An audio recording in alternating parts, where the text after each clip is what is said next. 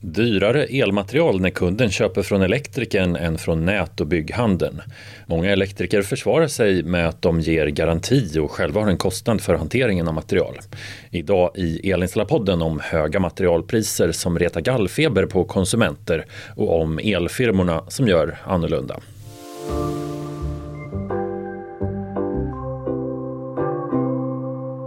Du lyssnar på Elinstallapodden, ett program från tidningen Elinstallatören. Jag heter Henrik Sannesson. Elmaterial kan vara långt mycket dyrare när man köper av elektrikern än i nät och bygghandeln. Vad sägs om en normkapsling för 1100 kronor som i en nätbutik kostade 285 kronor?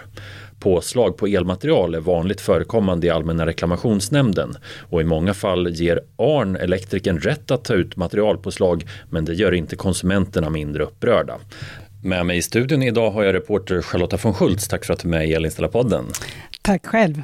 Vi har ju bevakat ämnet med höga materialpåslag ända sedan vi båda började på tidningen för mer än fem år sedan och ämnet är äldre än så. Minns du hur många gånger du har skrivit om konflikter mellan privatpersoner och elfirmor om just materialpåslag? Nej, men det har ju varit några vänder. Det finns ju en bakgrund till att det ser ut så här. I begynnelsen kunde privatpersoner inte köpa elmaterial alls. Elektrikerna via grossisterna var de enda som sålde det material som installerades. Det skulle inte förvåna mig om många elfirmor längtade tillbaka till den här tiden när privatpersoner inte hade insyn i vad elmaterialen kostade. Varför är det här fortfarande en så stor grej? Det kan ju säkert finnas många olika skäl till det, men eh, en kan ju vara att kunder har lätt att jämföra timpriser. om en privatperson vill anlita en elektriker så är det ganska enkelt att kontakta några elfirmor och fråga om timpriset och förmodligen tänker de inte på att fråga hur materialpåslaget ser ut. Och sen anlitar de väl firman som har minst pris per timme helt enkelt. Ett företag i Skåne tog 1100 kronor av eh, en kund för en normkapsling, alltså en normcentral som är en modern form av elcentral. Samma central skulle kosta 285 kronor om kunden köpte den själv från en nätbutik. Och det här var bara ett exempel från hans faktura. Företaget hade tagit påslag på flera hundra procent jämfört med priserna i näthandeln. Du har ju pratat med det här företaget, en elfirma i Skåne. Hur resonerade de? Ja, men den här tvisten rörde en elinstallation till en pool. Och kunden blev jättenöjd med själva arbetet, men när fakturan kom så blev han eh, djupt missnöjd och duktigt förbannad, som han skriver i sin anmälan till ARN. Eh, och, och, det var ju inte timpriset på 525 kronor som fick honom att gå i taket, utan det var just materialpriserna. Så han, han satte sig och jämförde med priser på nätet och sen räknade han ut att den här elfirman måste ha ett påslag på flera hundra procent. Och det här tyckte han var helt oskäligt medan elfirman i sin sida ansåg att hela resonemanget var ett feltänk. Men hur kan man försvara påslag på flera hundra procent? Ja, den här firman hade flera argument. Eh, han eh, hade dels gjort jobbet på löpande räkning. Eh, elektrikern handlade inte på Byggmax, Jula och Bauhaus, utan hos en stor grossist. Och så lämnar ju firman garanti på både arbete och material. Men framförallt, eller, ja, eller dessutom, tyckte han att kundens resonemang är ett feltänk, eftersom den här privatpersonen knappast hade kompetens att själv välja rätt produkter. Eh, I det här fallet var det en elektriker som med sin kompetens hade valt de produkterna som behövdes för just den här anläggningen. Och på fakturan så kunde man läsa alla de här prylarna tydligt spesade. Och I det läget är det ju lätt att jämföra med nätpriser, så elfirman tyckte att kunden använde fakturan som ett facit helt enkelt. Och utan facit hade han inte kunnat köpa de här produkterna överhuvudtaget. Det var, det var så elfirman resonerade. Men då är det ju egentligen montörens kompetens och arbetstid som kunden borde betala för. Materialpriset måste väl vara kopplat till en hantering, lagerhållning och garantin.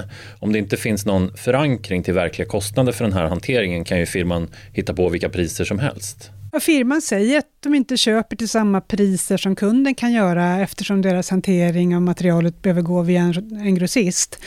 Eh, och att grossisterna kan ju vara dyrare mot elektrikern än vad butikerna kan vara mot, direkt mot konsumenter. Så elektrikerns inköpspris är högre än vad kunderna kan få materialet för från näthandeln. Så vad sa Allmänna reklamationsnämnden om det här eftersom företaget ändå hamnade på svarta listan? Ja, Arn går delvis på elfirmans linje. De säger att kunden inte kan förvänta sig att få samma pris från en elfirma som från näthandelsföretag. Men eh, nämnden tycker ändå att materialkostnaden var väldigt hög i det här fallet utan att elfirman hade motiverat varför. Så därför rekommenderade nämnden att elfirman skulle betala tillbaka 3 249 kronor till kunden. Mm. Eh, men det vägrade elfirman att göra eh, med motiveringen att ett rotavdrag i samma storleksordning inte blev godkänt. Eh, för fakturan var baserad på att kunden skulle få ett visst rotavdrag. Men sen visade det sig att kunden redan hade nått maxgränsen för rot det här året.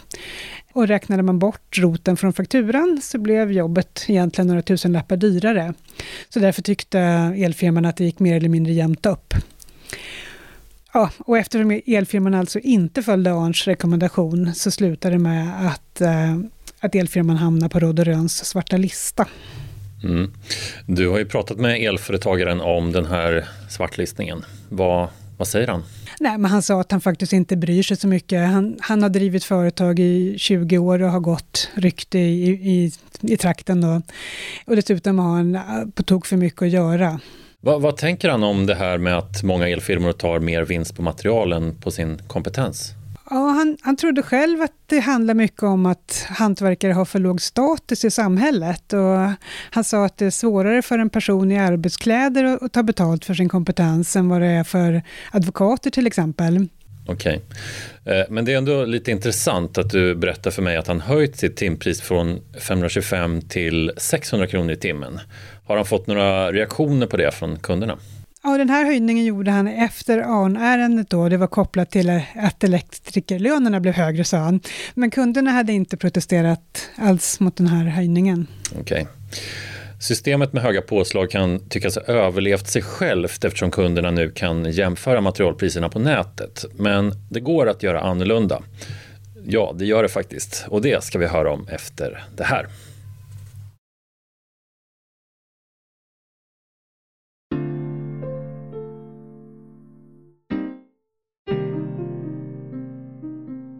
Du lyssnar på Elinstallarpodden och vi pratar om hur konsumenter upprörs av att elektriker tar höga materialpåslag. Reporter Charlotta von Schultz är med oss. Du var nyligen i Skellefteå och träffade Björks El och deras VD Ronny Lidström som många i branschen känner till för att han driver forumet Fluxio.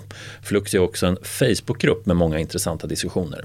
Ja, just det. Eh, Ronny gav sig in i en sån diskussion som handlade om timpriser och skrev att han tyckte att de andra i tråden var alldeles för billiga. Hans företag Björks El har sänkt materialpriset i flera steg och istället höjt timpriset till 690 kronor i timmen. Hur mycket tog de andra i den här diskussionen?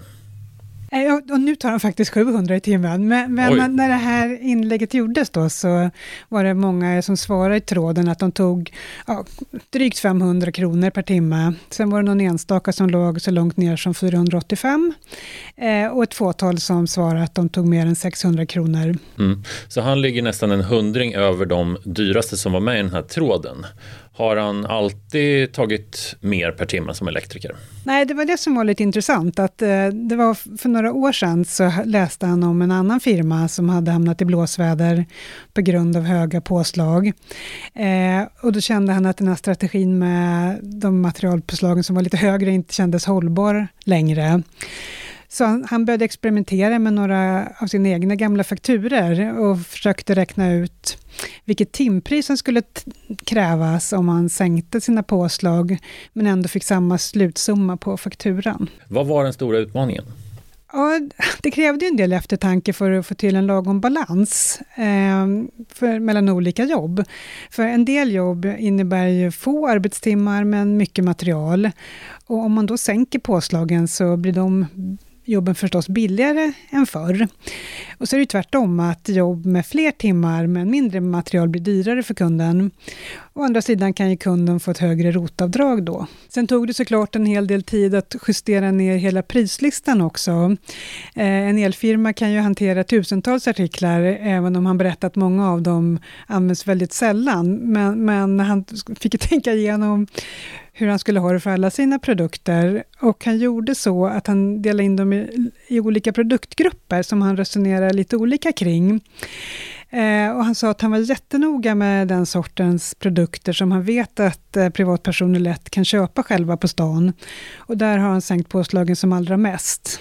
Eh, och det rörde sig om ungefär 50 produkter, som vägguttag till exempel. Eh, och där sa han att han ville att priset skulle upplevas som rätt av konsumenten. Det låter väldigt uttänkt allt det här. Eh, du sa också att han gjorde förändringarna stegvis.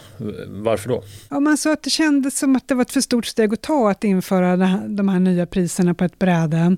Så han valde att göra förändringen steg för steg över några år.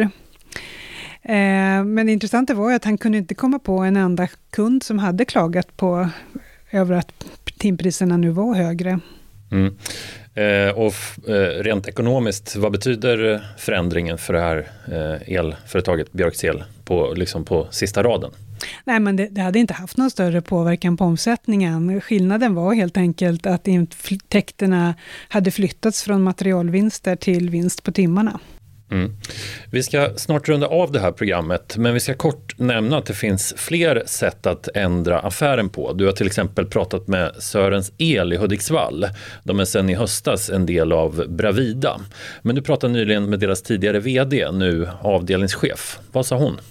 Jo, när Eva-Lotta Sköld, som hon heter, blev VD för Sörens El för, för drygt tre år sedan, så hade hon jobbat 30 år på bank. Så hon var nykomling i elteknikbranschen. Och hon, hon blev riktigt förvånad över hur mycket snack det var om timpriser bland elektriker. Eh, och det tyckte hon var jättemärkligt, eh, för hennes inställning är att kunden vill ju ha ett jobb utfört och då ska väl det intressanta vara vad slutkostnaden blir eh, och vilket värde som har skapats. Så hon har tagit initiativ till att företaget ska sälja fler typer av jobb till fast pris. Eh, och sedan tidigare hade de faktiskt eh, installation av elbilsladdare och solcellsanläggning till fastpris, men, men det hon har infört är eh, fast pris även på elöversyn och byte av elcentraler. Och nu går hon vidare och tittar på, på fler saker som kan paketeras till tjänster. I ditt reportage i Elinstallatören tar du upp flera exempel på det här och det är bra läsning för alla som tyckte om innehållet i det här programmet. Tack så mycket Charlotta von Schultz för att du var med och berättade. Tusen tack. Tack också till er som har lyssnat. Om du gillar Elinstallapodden, följ oss gärna i din poddtjänst så hörs vi igen i nästa avsnitt. Hej då!